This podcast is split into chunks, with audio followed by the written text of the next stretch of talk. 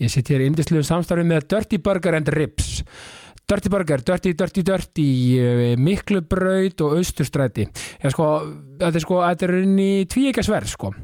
Uh, maður, ma, sko, ef maður er að drífa sig eitthvað, ef maður er að ferðinni allt að gerast bara, veist, allt í gangi maður, maður þarf að drífa sig ná okkur um leiki svorpunni eða að drífa sig heim uh, til fjölskylduna með og það er allt í amstrið dagar því þið daglega amstur er í gangi og maður þarf að drífa sig þá bara skellum maður sér auðvitað í lúuna á miklubrönd og tekur já, hvort það er hambúrgari, rips, vangir eða hvað sem er sko, bara þú veist, og, með öllu tilherrandi. Það sem ég myndi gripa með mér eh, nú, akkurat núna væri þetta gráðastaborgarinn sem er mitt uppáhald. Og uh, já, og, og, og að sjálfsögðu með öllu, öllu tilherrandi þannig að, uh, og svo náttúrulega bara ef maður er já, í, í, í góðum gýr og í, í róleihetun, þá náttúrulega bara fer maður nýri austustrætti og bara fer sér sæti og upplifir alla stemminguna beint í æð en það er þetta náttúrulega það sem enginn er dörtibönguna rips er náttúrulega bara ástkærleikur stemming og gleði. Þannig að, já, bara allir að fara dörtibönguna rips og, og, og, og upplifa alvöru indislega góða matar upplifun og stemmingu í, og allt með öllu tilhérandi sko. Þannig að bara, já, þú veist, ég veginn, ég bara, já, ég, það er valdefling að fara á dörtibönguna rips. Það er bara svo leis Ég set einnig í indistlegu samstarfi með Session Kraftbar. Session, Session, Session, Session Kraftbar. Já sko, þú veist, ég, aftur, enn og aftur, ég er hlaupari. Ég elskar hlaupa. Ég er úr miðbænum, að það er ekkert betra en að skella sér í gott hlaup, enda á Session Kraftbar. Fá sér einn áfengan, eh, grípi spil, grípi Playstation, pinnana, þú veist, eh, sjá allt úrvalið sem er í bóði á Session, upplifa stemminguna ást aftur, ást, kærleikur, virðing, gleði, hamingja, það er öll þessi orð og öll þessi stemming á við á Session Kraftbar. Þú veist, og maður getur farað þarna í öllum tilöfnum, bara þetta eftir hlaup e, já, þú veist þegar kvöldið, nóttin er ung þegar nóttin er, já, aðeins fara að líða á, á, á kvöldið og nóttina, ég meina þú veist, maður getur verið þarna, þú veist, þetta er bara svo mikið stemming, þú veist, samarunni hvaða, já, tíma sólarhengsins það er og já, þú veist, það er allir velkomnir og, og bara gleði og hamingja sem enginnir Session Kraftbar. Þannig að, já, ég mæli bara með að skella sér á Session og uh, hafa gaman, njóta lífsins. Gestum í þessa vikuna er stór hlauparinn Arnar Pétursson Arnar er gjössanlega frábær, magnar og yndislegur og já, er hann, já, mínum að þetta er eitt bestir hlaupar landsins. Hann er búin að gefa bók, hann er með í partur af fyrirtæki sem til Driftline sem er að gera magnaða hluti og hann er bara gjössanlega frábær á, á öllum sviðum sem hann tekur sér fyrir hendur og, og lífsins. Arnar Pétursson, gjör svo vel.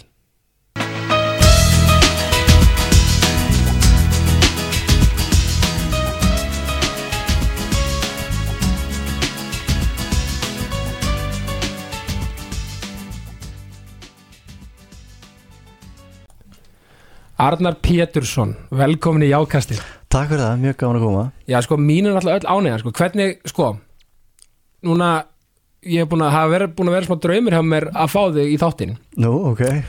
Einfallega vegna þess að þú ert frábækur Já, takk fyrir það. Og, já, bara, og líka, því ég er nefnilega ég sé var að segja við þetta rétt á hann ég er nefnilega, ég tel mig vera bara ágætt hlaupara, sko. Ég tekið eftir í hlaupum, sko. Er? Já, takk maður, ég, og ég nefnilega, sko, sko, ég hleyp sko, ég hleyp að þú veist ég vil með það bara, ég kvílum bara þegar líka minn kattar á það, sko, Mhm. ég reynir bara svona að finna það. Já, en ég hleyp okkur að minnsta degi og, að skilur, cirka bát og svo Já. ég fótball tvisari viku kannski. Og ég dáið svo mikið að ykkur sem er pró mm. og eru er bara svona atvinnum en líka við hlaupum, sko. Og þú veist, og þú veist ég einhvern veginn, ég þyrfti eiginlega bara ég þarf eiginlega bara eiginlega, ég- sko, ég ætla að manifesta það núna, ég ætla að koma í þjálfun til þín já, til að koma mér á næsta level. Ok, það það, og ég er að manifesta það í podcasti því að þá, þá er það átveð Já, sko. akkurat, það er komin svona utanakomandi ósýnileg, ekki pressa það er eitthvað sem ítir okkur á einmitt, og ef einhver segir, hei, er, er, ertu byrjað í þjálfurinni? Nei, já, heyrðu, þú búin að segja það, sko, þú voru að gera það. þú veist, þannig að, og ég sko, og ég sé, ég er 1.28 20 pb Mhm. í halvmarathoni, er það ekki bara fínt? Það er bara mjög fínt, sko, allt undir sko 1.30 þá er það bara, þá getur talið sem hlaupara, sko þetta er, svona, þetta er alltaf svona mark, sko, þú ef þú fyrir til tvo tíma í, í hálfu, Já, þá ertu svona búin að aðgreina þið frá mjög mörgum, sko. Já, og það þá ertu með bara eitt fyrir framann töluna þína, sko. E- já, er og þú veist, nákvæmlega. það er eiginlega flestir í heiminu sem eru bara með einn. Það er fáið sem fara undir klukkutíma í hálfu marathoni sko. Já, einmitt. Og síðan þú veist, fyrir þetta svona alltaf svona undir 1.50 þú veist, þá er þetta, ok, þá er þetta alveg þá er það eitthvað að gerast þarna. Og síðan Já. er þetta komin undir 1.30 þú veist, þá er maður svona að hugsa, já, býtu getur þú farið undir þrjá í, í heilu? Þú veist, þá er er þetta komin á svona þann svona, Þá getum við að fara að hugsa um það. Já, þá þetta svona að hugsa já, býtu nú og ég fíla þetta líka, er ekki líka hlaupar þú ert svolítið að bara brjóta niður þetta er bara náttúrulega auðvitað markmeðsetning og Mhm. þú ert rosalega mikið að brjóta niður bara hlutina einhvern veginn. Algjörlega og bara þú ert að hugsa það líka í svona langtíma samingi og líka þú hefur henni rúm fyrir bætingar eða rúmi, rými fyrir bætingar er rosalega stort Já, er maður kannski fatta það ekki hvað við getur verið að sjá einhver sem byrjar sem bara ég fengi fólk sem er að stefna á að ætla að fara undir 3.40 í marathoni og hleypu sér undir 3.20 sem, þú veist, það munar 20 mínútum já, sko. Þú veist, það er ógeðislega mikið Það er ótrúlega mikið tími í hlaupi Já, þú getur verið að bæta þig svo jafnt og þett og svo margar bætingar í mörgum mismundi vegalindum og það er svona mjög skemmtilegt við hlaupin sko. Já, það er ennbla máli og hvernig þú veist, bara, og ég verð að spyrja líka hérna árið fyrir mig allt saman sko, þessum að því að nú er, nú er ég líka mikið að hlaupa bretti. Já, af því að hérna, ég, ég bý hérna bara á tegunum við hliðin á akkurat og þú veist, þú veist, Ísland, er ekki alltaf hérna topp veður.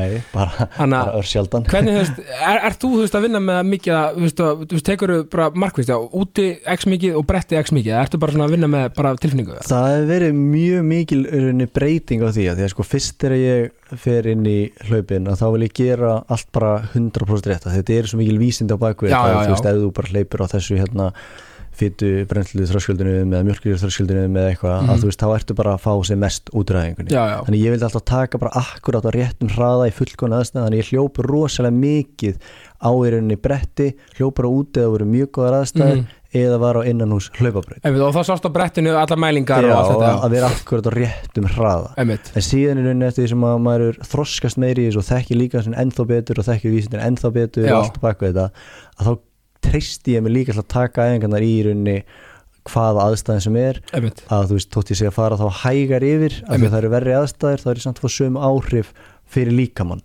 Nákvæmlega að það er, en það er mjög erfitt að svona kannski þróa það alveg með hjá- sjálfu sér en núna reyni ég í raun að hlaupa sem minnst á bretti reyni alltaf að nýta náttúruna að fara Já, já. út og nema alltaf þegar er eitthvað svona aftaka við þá er maður svona, já, já, heyrðu, Já. það er bretti Ég veistu það, þetta er góð punktur, ég held nefnilega að ég sé komið með smá svona um, við farin að hugsa það kannski örlítið meira vísindalega núna, Mm.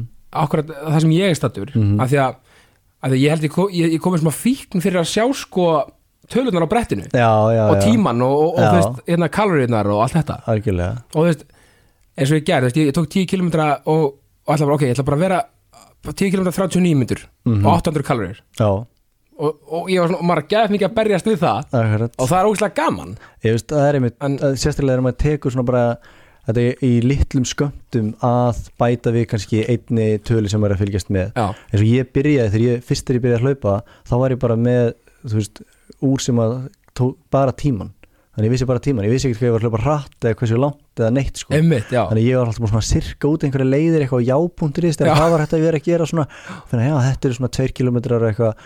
Og ég hleyp þá æfinguna svona því að það var, þú veist, ég með þjálfara hann var að hérna, byggja frændi var að setja fyrir mig fyrir mig program, Já. einn svona betri marathonlaupurum og ég, þú veist, vissi ekkert hvað ég var að að, þú veist, en það gaf mér líka úkslega mikið að vera bara með, ég var bara að fylgjast með klukkunni Já, og svo þegar ég fekk mér loksins fyrsta garminúrið og gætt sé allt í einu tíma og vegaleind Já. þá það mér bara þvílít mikið bara, ha, heyrðu, það er bara ég veit hvenar ég er búið með Já. kílómetri og eitthvað, og svo ferður maður svona lengur og lengur inn í þannig er mæljótt með því sko, veist, að fólk byrji, eins og það er að fá sér úr. Það er ekki ekki að þú getur bara að byrja og bara vera að fylgjast með tímanum aðeins hugsa um fílingin og svo kannski fengið þér einföldustu típuna af einhverju svona snjallúri sem mælir hraða og vegalind þá ferðu svo mikið út úr því að allt í einu sjá það þegar þú veist hvernig það var að vita ekki. Einmitt, þannig að það er með margt þú veist, að maður vil vita til að kunna prísið eitthvað eða meta eitthvað að vita hinn pólinn sko. algjörlega sko og ég líka að þú veist ég, ég hleyp eða aðalega þú veist í, í, í borg og bæ að, þú veist, ég hleyp lítið utan þar mm og ég er með þannig að átta mig á sko að ég veit bara ég er svona um 40 þú veist um 40 eða minna með 10 Mhm. km Mhm. ég veit eins og ég tók hérna sem sagt viðvarslöpið þá var ég hvað 5 km 17 59 Já, en ég veit svona ég er svona undir 20 þú veist, Mhm. maður er ekki alltaf bara á því peysi alltaf nei, nei, þannig að þannig að ég er svona með, á, á nágetur að sirka það út sko. Já. en maður þyrfti að fá sér þetta úr sko. Já það alveg, þú veist, hjálpa til við bara svona hætta þrjóskunni, fáðu bara úr. að ge- að gera þetta svona að þú veist, þá veistu á hvaða hrað og ert og hvernig þú átt að við, þú veist, þá ertu með ennþá fleiri tölur til að hérna miða við, sko. Já, emmitt og ég, hlaupin er bara svo minnst hlaupin sko minnst endur spekla allt lífið. Það er mjög, já, ég er mjög saman að því. Já, að- skilur þú veist, þú þetta er bara alltaf þú veist, þetta er markmið, bæting algjörlega. og, og, og mótlæti sko, og það er mótlæti. líka það sem hún lendir í. Þú lendir í mótlæti bara aftur og aftur í Já. hlaupunum. Og maður er um satt að hérna að eins og í hlaupum og í lífinu Já. að bara það að sko, skoða aðeins brautina áður nú fer í hlaupið og vita, eins og Ísland er alltaf brekkur eða alltaf vindur í aðra fyrir áttina Þannig að saman við- ber Reykjavík marathoni síðast Akkurat, og þú Já. veist og bara það að vera búin að, ok, það er hana ein aðalbrekka og bara búin að vera, ok, hún kemur eftir 5 km og það, bara það fyrir hlaupið að segja, ok, eftir 5 km kemur brekkan, þá ætla ég að bara segja hausnum á mig bara sterkur, sterkur, sterkur, Mhm, mm -hmm. þá til ég klára brekkuna bara það að vera með svona litla aðgerða áætlun það getur hjálpað þér að fara yfir þetta mótleiti, þú veist, tífalt alveg eins og þú getur verið með þú veist, þetta dæmi með hérna þetta verið í þjónustustarfi Já. og kemur einhver brjálaði kunni til þín eitthvað Mm. og bara það er með eitthvað svona einhverja aðgerðállin bara þegar það gerist þá fyrst sem þú gerir segir hérna bara takk fyrir ábyrtinguna, ég er aðeins að tala við yfirmanni minn og þú ferð þá og talar við emmitt, bara það að vera með það breytir öllu í staðin fyrir þú veist í hlaupinu er brekkið þá er bara ó, helvít brekkan og bara djúvill er þetta erfitt. Eða þegar kunnin kemur og byrjar hrauninu þá byrjar þú að hrauninu tilbaka sko því það er svona viðbröðin manns. Ve, veistu það, þetta er svo góða punktur. Þannig að þetta er svona, já, og líka, þegar ég, maður tekið eftir í hlaupunum sko og hvað hausin er ótrúlega mikilvægur sko, og mikilvægastur í rauninni þegar að, að, að keppnistegi kemur. Af því algjörlega að þú veist, ég, ég hef alveg fundið skilir maður er svona, þú veist, maður er búin að vera og um, líka með kannski aðeins svona að kalla á sko, kalla á hérna kvild kannski, Mhm.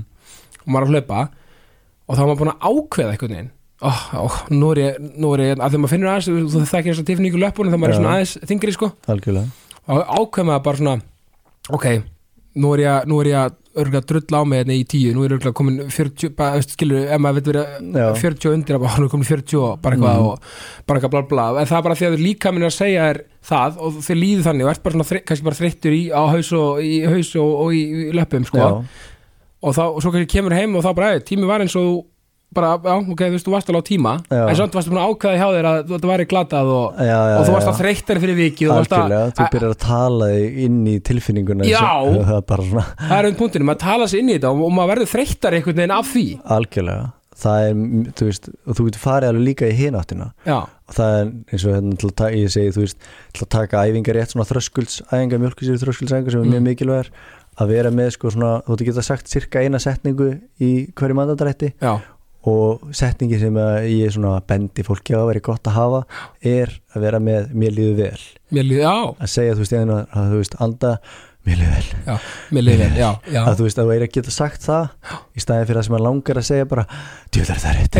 Djúðar það rétt. En þetta hefur raunverulega áhrif sko. Ég, algjörlega og þú veist, en þá fattar þau að þú átt að geta sagt þessa einu setningu ef þú getur ekki komið upp orðið, þú veist, þá ert að fara alltaf hratt. Ef þú getur verið að spjalla bara eitthvað þá ert að fara hægt. En þú ert að reyna að vera þarna mitt á milli, sko einmitt. og segja helst einhverja svona jákvæða setningu Já. að, að brjóta þið niður. Ég er svolítið þannig sko með hlaupin sko, þegar það eru margir sem hlaupi saman í hóp og bara Mhm. gaman ég er, ég er kannski bara pínu sérstakum með það ég, Já, það eru mjög margir sem að hlaupa svona, sko það er miklu algengar að fólk kemur eitt heldur en í hóp, sko Já, á, það er alveg þannig Já. að því að því að mér veist miklu betur að vera bara einn og bara, að því að því, ég er líka komið þanga ég, maður er alltaf í smá keppni við sjálf sig Já, þú veist, og vill svona vera þú veist, ná peysi og, Mhm. og, þú veist, og vera þú veist, þannig að, já, það er kannski bara það Já, þú veist, það er, að því að það er alveg gott, mjög gott að hlaupa í hóp sko, en, Já, en, já. en hlaupin alltaf eru líka þannig að þú veist, oft sem þú, þegar þú velur að fara og nota hlaupin af því að þú getur gert þau nánast hvar sem er hvena sem er. Einmitt. þú veist, ef þú þarft að ná einhverni þú getur alveg tekið hana klukkan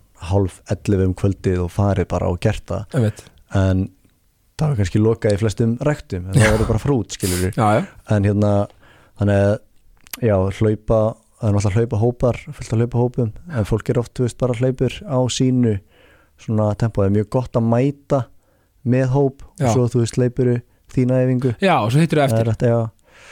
En já, það er svona, ég myndi segja að það er algengara að fólk, allan sérstaklega í vestrænum heimi hlaupi eitt. Já, en svo erum náttúrulega hlaupahópa sem er frábært sko. Algjörlega, bara 100% Þú, þú varst náttúrulega nýkomur á Kenya, eða ekki? Jú, ég var í Kenya bara allan april Allan mánuð, já, Bara í æfingabúðum já, og það er hérna það er náttúrulega hlaupa menn mjög mikið í hópum sko. Já, og nýta svona kraft hópsins sem er alveg klálega til staða sko.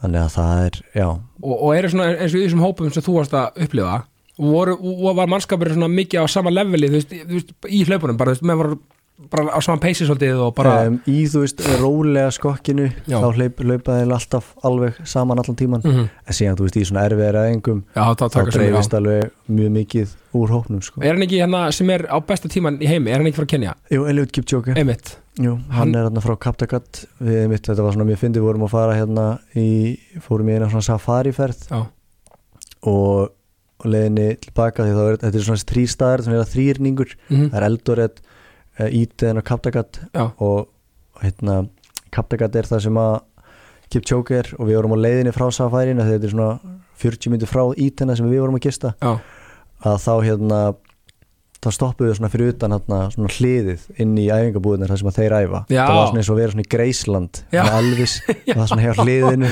Það var bara komin í sko. Mekka. Já, þetta var alveg fyndið. Já, það er geggja maður. En, og, hvað, sko, hvað er hann gamall? Það er eitthvað spurning, það er, veit það enginn svona nákvæmlega sko, en þú veist ég held að standi á, á fæðingavottorinu eða aukurskýrtinu hérna 38 ára núna Já, að því að sko, að því að sko ég er búin að sjá hann að gaur lengi og ég kunni aldrei bara fara í það að Wikipedia hann, skilur Nei. og, og bara sjá hvað hann er gaman að því að, að, því hann, hann svona svona, hann verðist vera svona að, að hann eldri við, skilur og, ég svona, meina hann, hann, er þú veist og hann er náðu sem árangri þetta er magna tala um skilur, eða, þú veist, það er náttúrulega ennþá merkilega ef hann er 42, 43 Já, eins og þú veist, þeir segja að núti hann Já. sé líklega eitthvað í kringum sko. Já, ok, þannig að fólk úti, þannig úti það veit það ekki endilega heldur. Þú veist, Nákvæmt. menninni sem hann er í að hanga nei, þú veist, það er náttúrulega ekki vita nákvæmlega sko, Nei. þannig sé þetta er, en það er einna, einna betri marathonhlaupur núna í heiminum í dag. Hann hérna vann London marathonið og nuttari minna núti er nákvæmnans þegar hann var hérna uh, þú veist, ólst upp með Já, og ég spurði hann hvað hann var í gamall og hann sagði 20, þetta finnst að hann segi 26, 27 já, en hann er skráður 22 já í Ok. þú veist fyrir hlaupinu og þannig að e- þetta er mjög algengt að menn séu fjórum, fimm árum eldri heldur en þeir eru skráðir sko. Ok, ok, þannig að þetta er, þetta er, að veist, þetta er svona eitthvað sem að þekkir enda, ekki endilega hér sko. Nei, veist, þetta er bara það var fyrir síðast þegar ég var aðna 2009 eða já, 2020 um, byrjun árs þá hérna þá var bara í fréttum að það væri allir að fá fyrsta svona ID-ið eða svona aukuskirtinni eða persónuskilriki um, í Kenya að það væri svona bara mjög stórt framfara skref sko. Já, þú meinar, þannig að, þannig að það var ekkit verið að útilega einmitt veist, fæðingavottur og eitthvað slíkt þegar menn eru orðnir ákveðið góðir þú veist, og þá allt einu þurft að byrja að ferðast að þú veist, þú ert ekkert að ferðast Nei, nei, þú veist, og það ert engin persónuskilriki nei, þannig séð þú bara þekkir þitt fólk í þínu bæjarfélagi í kring sko. Einmitt. þannig að þið eru orðið að fara að skrá þig þá er alveg bara svona smá og hvaða ár er það? Já, og þá er bara einhver með penna og þú eitthvað svona um, ég er 19 ára. Já, og þið vilja hafa þið frekar yngri heldur en eldri til að því þá er náttúrulega allt merkilega sem þú gerir að geta hlaupið svona hratt svona ungur. Já, einmitt. Þetta er alveg er alveg mjög áhuga sko. þetta er svona raunveruleiki sem við kannski tengjum ekki við sko. Nei, nei, og þetta er bara ótrúlega, ótrúlega magnað að herra, sko. En hérna, sko, en segja mér eitt líka. Árið fyrir mig, sko, í því persónulega. Með, sko, uh, hlaup að Því að, sko, ég, ég veit ekki hvað það er. Þegar ég er búin að hlaupa mm Það langar mig opast mikið kaffi. Já ok. Ég, ég veit ekki af hverju það er. Ég, á, ég hef aldrei, aldrei upplegað Þú tengir ekki það? Nei, Nei.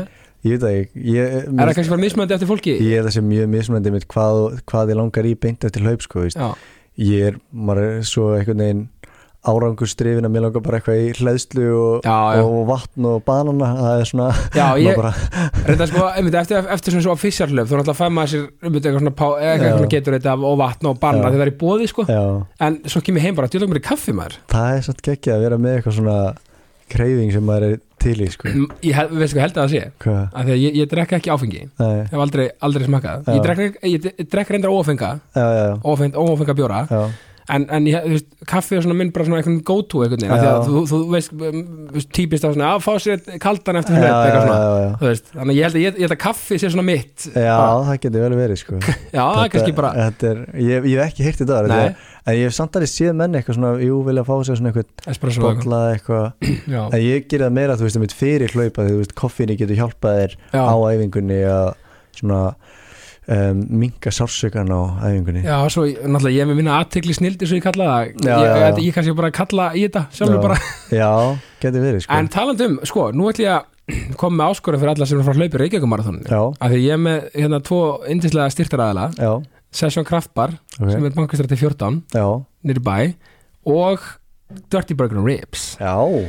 Og ég ætla bara að mæla með að þegar mannskapurinn er búin að hlaupa Reykjavíkumarathoni Af því að sko mínu menn á Session að, fyrir mig, mitt sem Mm. drekki ekki áfengi þeir eru með ófengabjóra já, ok, ok. Og rosa mikið úrval þannig að ég ætla að fá hóp saman og í, hérna, í góðan, eitt góðan post-run hérna. Algjörlega, ég maður sko, ég var alltaf að fara, fór hérna nokkur svona má Dirty Burger and Ribs eftir hérna F á hlaupin hérna, sem voru, svona vetrahlaupin það var hérna, það var kannski aðalega því að, að hérna pappi á að þá uh, taka pappa með að þjá, ég var að þjálfa pappa eins og hérna, hann var að koma í hlaupin og þetta var svona velun sko eftir hlaupið og hérna, hann var mjög sátti með það Er þegar ég sagði, já, þetta er bara allt í lægi núna eftir hlaup, þú ert búin að keira það brenna mörgum kaloríu já. maður bara hann var neitt bara sett einhvern veginn á Facebook sett hann sko, ég, borð, ég, hérna, ég hleyp til að geta borða það Já.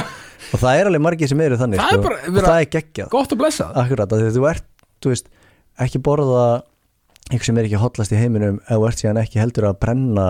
Því yfir daginn, sko. þú, þú veist, einmitt, ég líka þú veist En það er snildin, þú mátt leið, þú veist, leifa þér. Já, Ég meina bókstallega stundum er þetta líka bara, þú veist, gott fyrir þig, sko, að fá þér að þú veist bara ná þér inn karblóta í kaloríur, prótein og fytu, bara neglus inn. Það er bara eh, svolítið mikið. Ég meina, ég ætla alveg að viðkjanna hérna ég meina eins og, ég er að fara í minnættum marathoni halt núna, Já, er þú að fara líka? já, Í halt? já. Næs, þá sjáumst ég Já, ég- það ég- er alvöru keppni.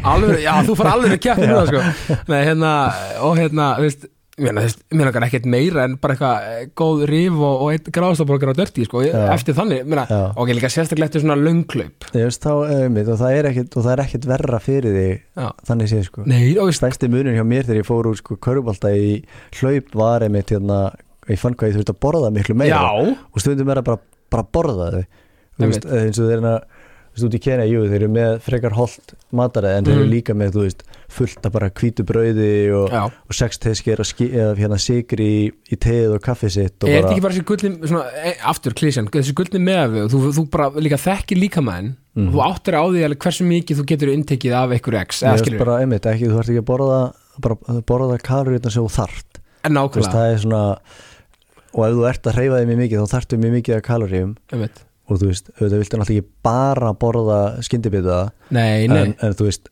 við og við en það er klá, klálega meira í lægi fyrir þig sem hérna hreyfið mikið að fá þig meira heldur en venjulega einslæðinu sem kannski hreyfið sig ekki neitt. Algjörlega Já, og, og, og þetta er bara líka að þekkja og svo kannski þarf einhver meira en einhver annar eða þú veist, magna hvað við erum eitthvað mismönd og hvernig við og ég er búin að finna bara ótrúlega gott svona uh, jafnbæði í matræði fyrir mig. Mm sem kannski ég mitt gerir mig kleifta þú veist að þurfa ekki að vera að stressa maður mikið á því. Algjörlega. Og það er bara ógæslega næs. Það er líka annað, maður vil ekki vera að stressa sig. Þú veist, þú vilt ekki bæta inn einhverjum öðrum stressfaktor sem mataræði Nei. og þú eru að passa alveg 110% allt sem þú gerir það akkurat. Það er eins og fyrir mig, þú veist maður er að passa upp á marga hluti í Mm. lífinu og eitthvað.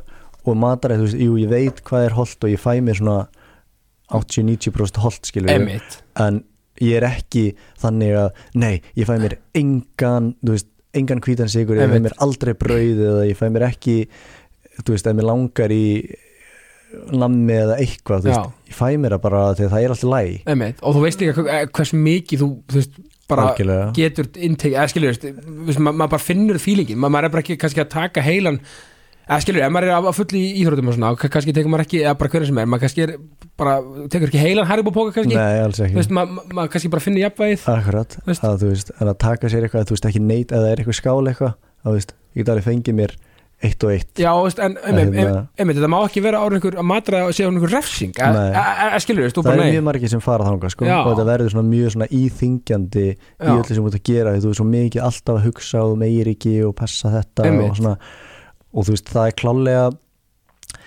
þú veist, það verður kannski þetta getur verið smá óvinnsælt svona, en kannski vinsælt fyrir marga að heyra að hérna, Já, mataræði er tildulega aftarlega á hérna svona yfir þá þætti sem að skipta mestu máli hvað varðar árangur. Sem skipta mestu máli eru æfingarna þennar mm. ef þú tekur rétt æfingarnar. Já, æfir ekki neitt, þá náttúrulega sér engan árangur. Einmitt. Eftir því þá er það svefn og kvíld. Þú veist, ef þú kvílist ekki á milli æfinga, þú veist, þá áttu ekki Nei. sko, bara sama hversu gott mataræði þetta er, bara áttu ekki sjens og í rauninni eftir því þá myndi ég eiginlega setja freka sko andlega helsu, svona þú veist að það sem þú ert að hérna, hvernig tengsliðin eru við íþróttina, við fjölskylduna eina, Mhm. hvernig líður innra meira því að þú verður að líða tiltúlega vel til að geta haldið áfram í þessu sem þú ert að reyna að ná árangri absolutt og svo myndir þú eiginlega, þú veist, fara ok, nú ætlum ég að tækla síðan næringuna mm. Þetta er hengur allt saman auðvitað en þú veist, ef þú setur næringuna fyrst bara ég ætla að vera með næringuna 110% mm. og svo ertu kannski með reyfinguna aftast Mm. Veist, þá, er, náttúrulega er þetta ekki árangur eftir en ná árangur í hlaupum sko. Já, veist, og og þú veist, þú ert að borða alveg því líkt rétt sko, en þú reyfið eiginlega ekkert og gerir það kolvittlust Einmitt og þetta er líka bara dominoeffekt þú veist, ef þú ert að sofa illa þá náttúrulega, þú veist, ert að borða kannski meira rusl og, Mhm. og, og þú veist, þá æfiru verr og Mhm. þú veist, eins og, eins og Viktor vinnur okkar akkurat. stólinn sko, Já, algjörlega, þetta er bara mér finnst það svo gott hjá hann sko já, þessi þættir bara tala að telja ógeðslega mikið. Já, bara, en síðan er svona hvernig þú raðar þessu upp sko, hvar þú byrjar að hugsa um þú veist, hvað setur fyrst í forgang og svo reynir að vinna í þessu og reynir að vinna í þessu. Og ég, þú veist því miður eða þannig, þú veist, þá er næring svona tiltulega aftalega hvað var það sko árangurinn eða að segja mataræði, þú veist. Þú getur verið, komur að segja þú getur næstu verið kannski 50% holt, 50% óholt já, já, áður en þú myndi byrja að þú veist, þú myndi brjóta þig það mikið niður þú ert að borða það mikið og allt. Þú ert bara, þú veist, þú ert fimmtaði vikunar á einhverjum djúbstekingar stað og tótaði vikunar þar sem þú borða svona tiltulega holt já, að þá þú veist ok, þá ættu kannski, þá ættu byrjaðar að brenna svolítið mikið í kerti sko. Já, já, já, já, en er svona, en ég ætla að þess að ég aldrei settir hann svona over focus svona over dedication, ég aldrei þú veist, það eru margir sem að vikta það onni sig þú veist, margir hlöfum sem ég þekki, vikta onni Mhm. sig allt sem ég borða, Mhm, ég bara svona veit hvað er til til að holdt, mhm. vinn með þann ramma 80-90% Já. á tímanum ertu að borða holt já, og svo, svona, svo leifir þér ég fer ekki bara eitthvað, já, ég ætla bara að vera með pizzu uh, fimm sinni í viku, þú veist eitthvað. Já, nei, er það ekki þar, skilur nei, nei, en bara svona, ef það er, gerum maður það en síðan er maður líka með þetta, já, heyrðu nú er ég búin að vera alveg þrýr dagar í vikunni sem eru kannski ekki alveg nógu góðir. Já, og þá bara ok og þá, þú veist, þá setur maður svona smá fótinn fyrir hurina, sko. Já, það, það er líka bara, veist, basic eða, Já. eða skilur algjörlega, maður það bara svona aðeins að vera með þetta um en ég myndi að þetta er, það getur þróað svo auðveldlega út í svona óheilbritt samband við mat. Algjörlega og það er bara að passa það og, og hérna og, og svona einmitt, að, þannig að það verði ekki kvöð að borða að, þú veist, að, þú veist, það bara þú veist, geggja og maður má vel- velina sig og má njóta og, þú veist, matur, sérstaklega þú ert með reyfingun inni. Já, þú veist, ef þú ert þú ekki með reyfingun inni sko, þá ekki hlusta á neitt sem ég var að segja já, þetta, sko. en ef þú ert með reyfingun inni já.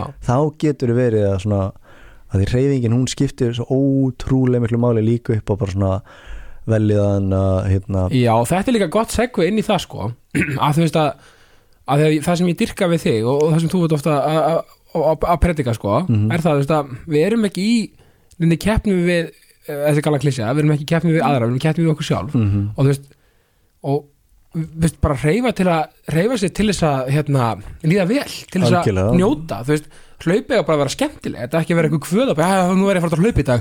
Tjekka það út, þetta var gaman. Algjörlega. Og það er, það er bara mjög auðvelt að láta vera gaman og það er með þetta svona sem maður reynir að predika við fólk að segja þeim að fara nógu hægt þegar þau eru að fara í þessi rólegu skokk sem að geta verið þú veist, 60-80% öllum hlaupunuðinum bara mjög þægilegt spjall hraða skokk. En það er mjög erfitt að gera það rétt sko. Já, af því að maður, þú veist maður einhvern veginn langar að fara hraða langar að finna fyrir lungunum anda láttu eitthvað mig þekka það. Ég er bara, ég er bara, ég er svitna Já. ég er bara þarna, skilur Já, en, en ég þarf um þetta, ég, ég þarf um að læra þetta. Eins, eins og hérna, hérna við reymur söngurinn, við erum skoðvinir hann er farandi í konuna minnar og, og allt þetta. Við hlöpum mikið saman. Já. Hann átt að segja um sko bara, það er bara að fá kílómetrin í lappinnar sko, mm þú veist, þarf ekki að vera alltaf ykkur sprettur sko, algjörlega það getur bara talið þvílíkt mikið sko. Það, en það er mjög, eins og segi, það er ennþá ég segi þetta alltaf, það er, ég er alltaf býðið til ég fara einhvern tímann og tala við einhvern og segja að það sé ekki lengur það erfiða sem ég geri, en þetta er alltaf já, það erfiða sem ég geri er að fara nóga hægt í rólega skokkinu og maður þarf að vera meðvitaður um það og hugsa um það. Ok, það er alltaf gott að vita að þér finnst það erfitt mér líka. finnst það erfitt, ég er ekki bara eitthvað já, þetta er ekkert mál, mér langar alveg að hlaupa hratt, mér finnst gaman skemmtilegast að hlaupa hratt.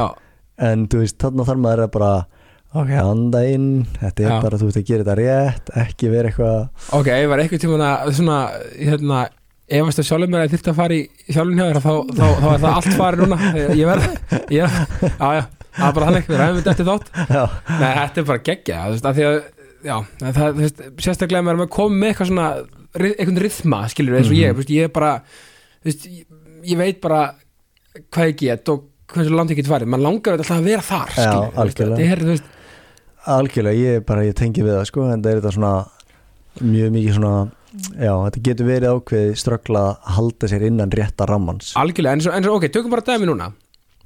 Tök, tökum bara mig núna. Já, að núna, þú veist, við erum að tala um okkur báða hérna. En svo, ok, nú er minnöndum marathon eða 50 dag næsta, mhm, eftir já, bara minni viku. Mhm. Þú veist myndur þú mæla mig fyrir mig til dæmis, núna um helgina Já. að taka eitt, kannski bara 15 km hlaupa eða eitthvað og, og svo bara ro, rosa rólegt bara út næstu viku um, það væri alltaf að taka bara síðustu svona gæðaðinguna á annarkvort sunnudaginn eða já, ef þú væri, þú veist, að stefna á að maður segja, svona nánast toppa í hlaupinu þetta væri Mm. mm. mjög mikilvægt hlaup fyrir þig, þá Mm. myndir þú vilja gera það á sunnudeginum ef þetta væri svona meira inn í kannski æfinga áalluninni eða æfinga planinu eitthvað svona að vera að stefna á segjum Reykjavík marathoni, mm, þá verður alveg lægi að taka svona ágæta gæðaðingu á mánudeginum. Já, að þú verður alveg ættir að vera búin að jafna þig til til að vel á fimmtudegin líka því að hlaupið er um kvöldi á fimmtudegin Já. ekki morgun, en þú ert alveg með til til að marga klukkutíma þarna á milli. Mér finn, einmitt, það er nefnilega og ástæðan okkur, ég dyrka mér þetta marathoni mm ég elska hann tíma. Já, það, þú veist, mér skeggja að hlaupa það byrja að starta nýju. Mm svo mæta maður alltaf heimaleg, sko, ekkert eðlilega bara eitthvað, er hérna bara. Það reynda maður að mjög erfitt með að sopna eftir þetta hlaup sko. já, maður sopnar alltaf vel á, á daginum innan Reykjavíkumarþón deginum, já, sko, já, já, þú veist. Þarna, já, en þetta, já, algjör stemming er líka algengar allavega á Íslandi að það sé svona meiri stilla á kvöldin heldur Já. en heldur en yfir daginn. Já, þetta er bara svo, þetta er bara svo, þetta er svo heillandi hlaup. Mm Mhm. veist, veist, Ég held þú, þú far þetta eiginlega ekki neinstaðar annars þar í heiminum. Nei, Valla, eða svona, er svona, svona byrtu þessu, Nei. þessu í fyrra, maður bara hlaupa þetta bara í hálf, tí- svona hálf tíu og maður bara í sól. Já. Já, en þetta var heldur kalt í þetta Reyndar, það var kallt, já, Já. sérstaklega þegar maður var að klára. Ég, Já. ég var bara, þá, Já, það var bara, já En, ég, mynd, man, ég minnir að það hefur verið ég mynd að það var alltaf kaldar og kaldar sem leið á kvöldi sko. mm mér finnst það alltaf svona, mér finnst, ég finn alltaf til eða mér finnst svo leiðilegt.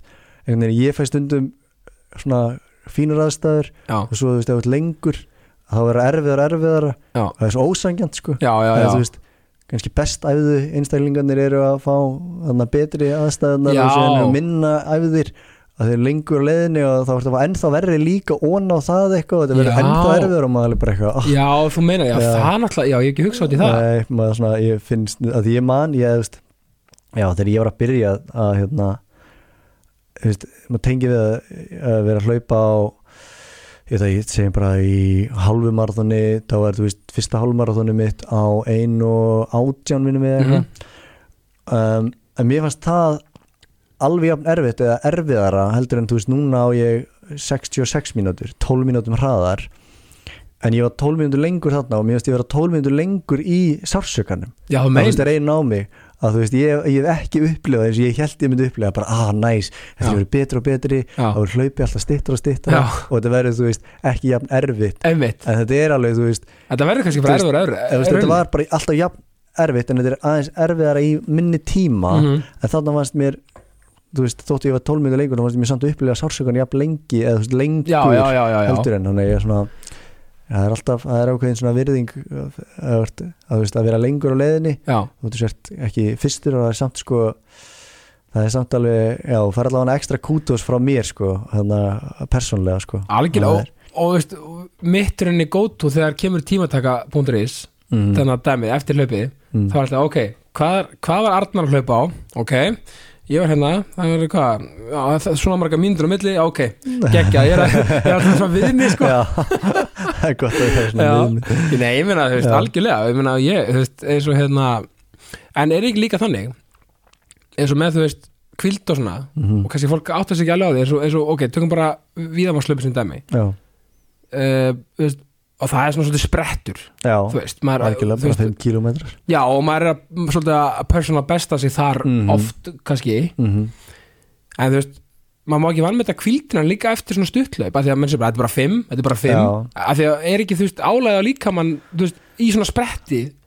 Jú, þetta er öðruvís að þarna fer Já. miklu meiri svona mjölku síru Já. Þú veist að fara, þú veist að kemur eh, svona, maður myndi tala um bara svona mikið að slæmum bóðefnum inn í líkamann og kerfið. Já, þannig að þú þarft alveg að taka, þú veist, það er alveg svipað kannski minna að því að höggin eru minni þannig að þú veist, það er mjög algengt veist, að ekki taka erfið aðeingu fyrir kannski þremu dögum eftir emitt 5 km hlaup, ekki bara eitthvað eitt á og svo strax aftur. Nei, þannig að, en bara með eins og hálmarathon, þú veist, þá ertu komin í höggin yfir svo langan tíma, þú veist, það er ekki jafn mikil endilega mjölku sér sem að myndast inn í líkamanum að þér, nei, en það er bara svona meiri þessi vöðva þreita í líkamannum og þú veist, að taka höggin á þig, þannig að veist, fyrir hálmarathon myndi maður helst vilja að það var svona allavega kringum 6 daga áður þú myndi taka einhver svona æfingu sem væri, intense. Já. Já, þetta er, þetta óta, mér, finnst þessi fræði eru alveg mögnuð. Já, maður það sé hann að hérna, einmitt, geta yfirfært þetta á alla ekki Einmitt. bara, þú veist, ok, þetta er það sem er bestu er að gera, en hvernig yfirfærir það á einhvern sem er að byrja? Emitt, þú ert að hugsa um sama, sem er hugmyndafræði já, en þú ert að taka hana á yfirfærina á og þetta er beauty við hlaupin líka. Af því, og af því að þú tala um bætinguna og það sem er magnum við hlaup er svo, ok, tökum bara dæmi, eins og fótbolti því ég er mikill fótbolti á hamaður Mhm. þú kannski komin, þú veist, menna, þú, þú veist, ég verð ekki áttunum ára þessu, orðað þannig. Hver veit, hver, hver veit, veit. hver veit, nei, ég er að segja, skilju þú veist, þú, þú ert kannski með þú veist, það er svolítið erfitt að maksa þú veist, þú ert bara svolítið á x góðu kannski. Þú getur auðvitað bætti og svona. Já, en þú veist, þú, þú ert ekki að fara lengra í sko endilega, þú veist, sem einhver aðurum er eitthvað slíkt eftir x tíma eða eitthvað Mhm, þannig. Já, en, en eins og ég hlaupum ég er bara, mér finnst ég að vera betra og betri Akkurat. með aldrinum, Algjörlega. Þú veist, nú, nú erum við báðir 91, Mhm. 31 ás eða 32 árinu, Mhm. þú veist, mér er aldrei betur. Og, og þú veist, einhvern veginn svo, það er svo geðvægt að sjá bara eftir öllum aldri að fólk kannski bara já, ég tók fyrsta marathonum mitt 45 ára. Og, og, og, náði best tíma mínu 50 akkurat. Að þú veist, mér finnst þetta svo, og hlaupin bjóði upp á þetta. Já, og líka náttúrulega minni meðsli hérna, ef þú ert að gera þetta rétt. Já, og því að ég hérna, talandi um fótbolta ég var í, í fótbolta sem krakki mm, hérna, í blikunum já, og maður vorum í helviti sterkur liði þar. Vini mínu segja stundum að Elvar ég, þeir. já, ég hefði frekar átt að að fara í fótboltan og aðtunum að þar frekar heldur en hlaupin en ég líti alltaf að maður hefði verið tæklaður einhver staðar og, ferli búin sko, ræður ekki við því. Nei, en það er líka mjög algengustu meðslinn hjá fólki í þjálfun hjá mér er innanhús fótbolti. Já, gamli það er óþólandi sko, maður er Heyrðu. með einhvern í þjálfun og hann er hérna að standa sig vel eða hún er að standa sig vel og, og svo bara hérna já já, það er kálun það veistu það það, er bara að að sér þetta? Þegar mér er svo andur hlaupin já, og ég er stundum bara af því ég spila veist, og er, að- er að spila í veist, Mm. og er að, þú veist, að í svona, ég, ég er stundum að hugsa þú veist, er það þess þú veist, vil, vil ég taka sjensin á að slíta crossband eða eitthvað, af því að mér er svo and, ég get ekki farið bara að liggu við sko nokkra dag á þess að hlaupa, já, þannig að þú veist er þetta þess virði, ég veit ekki, en samt er þetta svo gaman, já Æ, veist, nefnilega ég, ég skilji bara, ég skilji ógæslega vel ég, ég hef mitt ekki farið nánast neitt í fótbolta eða körfubolta Nei, bara eftir ég tók svona skrefið að fara úr körfun í Hlaupin. hérna, hlaupin. bara því að þú veist, ég vil ekki þú veist, ég hugsa mjög oft um svona þegar maður tekur á, ákvarðinu með eftirsjá já, þú veist bara myndi ég sjá eftir því að hafa og bara svona 100% já. Og svo líka átti ekki að gera það, sko. Nei, og svo líka hérna langar mig ekki að vera þessi saga þú veist það er allir fullt að sögum bara, já hann hann var í skíðaferð og, og snýri upp á á sér og hann hleypur aldrei aftur eitthvað.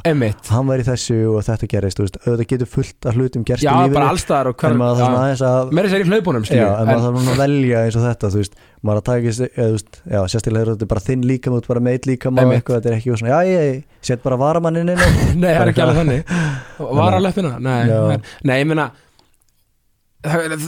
það, segir sér bara sjálf það er náttúrulega ólíklega að slíti crossband í hlaupum heldur í fótbolta. Já, af því að það er svolítið kontakt sko. Algjörlega. Þú getur visslega verið mjög óheppin já, en þá er það bara eins og það já. Er en ég meina að þú tala um kóbóin Mhm. við förum aðeins í þig. Mhm, sko, og, og fyrir að fyrsta að þið verum í jákastinu þú veist, jákvæðni. Mhm. hvernig svona snýr jákvæðni að þér bara svona almennt, bara jákvæðni bara, þú veist, að því að þú ert mjög jákvæðu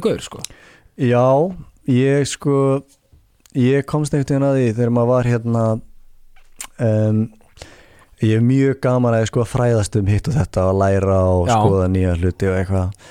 Og ég held að, að þá var einhver sálfræðingur sem var að tala um sko svona eiginleika til að hafa út í lífið. Mm og þá er rauninni væri það svona hérna bjart síni Já, á hérna, það væri bara mikilvægasti og eitt besti svona hlutur til að hafa út í lífið af því að það hérna, þú lætur taka svo miklu betri ákvæmur um allt að þú hefur trúið því að hlutinni minni gangu upp þú veist, þú, þú ferði í þetta nám að þú, þú hugsa bara, heyrðu, ég get ég get gert, þetta mun velja upp. viðhorf, basically Já, ég, Já. algjörlega og þetta mun ganga upp en þetta er líka, getur verið svona hérna þú veist, sumir eru bara með þetta náttúrulega en mér Mhm. er svona, hjá mér þá er þetta líka alls konar svona litli hlutir sem kannski búa til hvernig maður horfir á hlutina mm. Eins og ég eitt hérna, sko, mjög slagri myndir satt góð sko, er hérna uh, Joe Dirt minnum mig sko, Já, hérna, já. veist, er að tala um hérna, basically, þú veist og, að hérna, var að hafa trú að sjálfu þið sko, að hann skerir engið það. Og, Nákvæmlega þú veist, og bara þetta, þú veist, þessi, setni að margir segja það náttúrulega og, en ég man, þú veist, bara að vera eitthvað 10-12 ára krakki, bara hann að hugsa einmitt bara svona ef þú hefur ekki trú af hverju ætti einhver annar á að trúa þér ef þú hefur ekki þér. Þetta er nefnilega nákvæmlega málið. Það, það er svo skrít, eða þú veist, það er hljómað með basic en, en fólk átt erfitt með þetta og síðan þarf þetta síðan að byggjast upp í að þetta verði bara svona smá svona óbylandi trú að þú veist, þú bara hefur þessa trú. Og síðan í rauninni í framhaldinu síðan annað sem maður bætti inn í hlaupin að það var þú veist, lumis, það vísindalega sannað að hérna um, að þú hérna jákvæðar hugsanir mm. beint eftir hlaup Já, að það hjálpa þér í endurheimtinni fljótar að ná þér þannig að þú veist, ég maður bara bæti inn þú veist, bara frekar áður maður að segja, þú veist, að því maður er líka sín helst í gaggrindu þegar maður Já, er að reyna að ná lánt að byrja að segja, þú veist, bara hvað þrjá hluti sem var vel gert á æfingunni. Einmitt. Og svo kannski ferði ekkert eins og niður og svo kannski er einhverjir hluti sem voru ekki nú góður eitthvað, að þú ferð byrjar í staðin fyrir að láta neikvæð búðefni byrja að koma inn í hérna, kortisol og eitthvað faran í líkamann að frekar láta jákvæð búðefni byrja að koma Einmitt, og þú reynir getur stjórnaði sjálfur algjörlega þú getur haft áhrif á þetta. Og þú veist þetta hljómar úrslega kjánalega þegar þú byrjar á að segja byrja að segja þrjá jákvæð hluti við þig. En svo gerir verður þetta bara og þá bara verður þetta ógislega gaman. Nákvæmlega, og þetta, þú veist, sko þetta er bara partur aftur, að því að velja sér viðhorf. Þú veist, jákvæðan er allt, skilur. Jákvæðan er, þú veist, bara eins og ég er alltaf að predika, lefa sér að líða, lefa sér að vera lefa sér að uh, upplega tilfinningar og gráta og allt sem maður þarf að gera bara missi ekki margs á sólinni algjörlega. og vera, þú veist, líta á glasið frekar hálf fullt heldur en hálf tóm mm því að ef maður missir, þú veist, ma- margs á sólinu og maður missir trúna og vonina algjörlega. þá, þú veist, á maður ekki mikið eftir. Sami hvað aðstæða maður er í. Mm en svo er þetta líka þú veist maður á þetta glataða dag og allt þetta en það er hægt raunverulega að velja sér viðhorf bara 100% Þú sko, bara- það er líka ég hef oft sagt það sko að það einfaldasta að bara svona hvernig þú ákveður að taka hlutunum já, er magnað fyrirbæri. Og þú getur tekið öllu illa Já. bara allir sem að segja eitthvað við bara einhver, já, einhver segir eitthvað hérna, góðan daginn og hann, já, góðan daginn, hvað hann er að að já, hann er að að plata mig, er að að segja góðan daginn við sig Gera lítið úr mér já, já. eitthvað, að því hann er eitthvað góðan dag ekki ég og eða þú veist bara svona fáránlegt skil, Eh, já, það já. gerir þetta ekki en þú veist þetta, Nei, meni, ég þekki þetta eigin skilni því að Já. ég er svo opinn og svona og hérna, svona, þú veist, bara á svona, með smá, hérna og ég, alveg, ég held að fólk stuðist stundum við það, sko. Já, að því að þú veist, einmitt, hvað er hann að hérna, eitthvað svona, hvað er hann að pæla? Já. en svo, þú veist, kannski kynnist ég manneskinu betri þá bara, hei, þú ert alveg frábæk gaur. Bara, ég bara, ég var ekki viss með þið fyrst svona, en ég held að sé bara eitthvað svona varnarmekanismi í fólki, bara imprentað í fólk. Já, algjörlega. En þetta, þetta, þú veist, þetta snýst samt einmitt að vera jákvæðinni að vera með bjart síni á hlutina að trúa á að þetta verði betra. Einmitt, það eitthvað mér svo, þú veist, þú tekur það inn í hlaupin að hérna maður segir, þú veist, þegar það líður illa í hlaupi að þá átt að trúa því að það muni verða betra. Að verði betra. Að þú veist, sama hvað það tekur langan tíma það getur verið tekið ógíslega langan tíma og stundum, þú veist, verður ekki betra og þú klárar hlaupið í einhverjum sársöka en bara, þú veist, að vera með trúna að þetta muni verða betra einmitt. hjálpa þér oft að láta verða betra. Og líka kannski, þú veist, eins og, eins og ég hef stundum lendi í, sko, einmitt, uh, þessum hindrunum í hlaupunum, mm Mhm. að því að við getum endurspyrka hlaup við lífið, A, en, en aftur.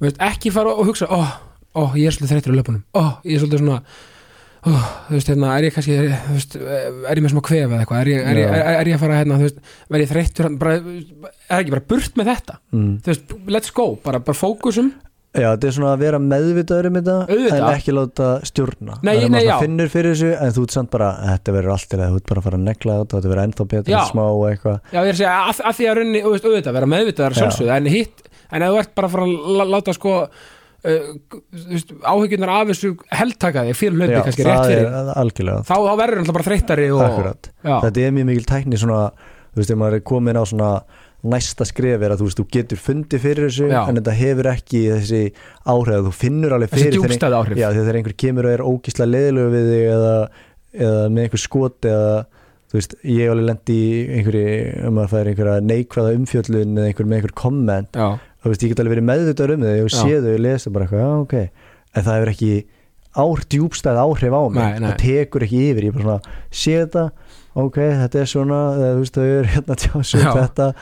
veist, hérna að þetta er ekki mín upplifun eða þú veist, mér finnst þetta ekki vera rétt eða mér líður vel með mig eitthvað og bara, Mhm. ok, og svo held ég áfram í staðin fyrir að fara bara eitthvað, já, ok, Já, þetta, já, já, hérna, þetta var bara ekki taka það inn og láta það áhrif allt í kringu því, svona, já, ok, þetta er bara ég líka, þú veist, minna, að hafa allir rétt á skoðun en, en, en, en stundum bara verður fólk átt að sjá því það er kannski ekki alltaf verið að býða eftir skoðun Nei, frá, frá viðkomandi um eitthvað x mál sem Nei. er raunverulega skiptir einhver mál í stóra saminginu Nei, veist, maður vona bara að þú veist einhverjum einmitt líða betur með að að þetta var þeirra leitla ef þú ert rent frí, ég hefst nú að já, veist, bara einmitt, að, að það er mjög þú veist, það getur verið alveg erfitt að vera með þá svona, maður segja svona já, vera komin á þann stað, vera kannski ekki að pæla í einmitt hvað öðrum finnst sko. Já, já, En- við, það er bara mannlegt að pæli því sko. Já, en það er samt, það er bara hérna já, mér finnst það- mér finnst það oft svona áhugavert sko, veist, er, að, að, mér finnst svo áhugavert einmitt að pæla bara í því að þú hefur verið bara eitthvað fyrir fram að liklaborðið eða einhver Já. staðar eitthvað, þú veist, þú Það er bara ekki að Arnar. einhver komment á eitthvað, þú veist, bara eitthvað skil, ég held ég hef aldrei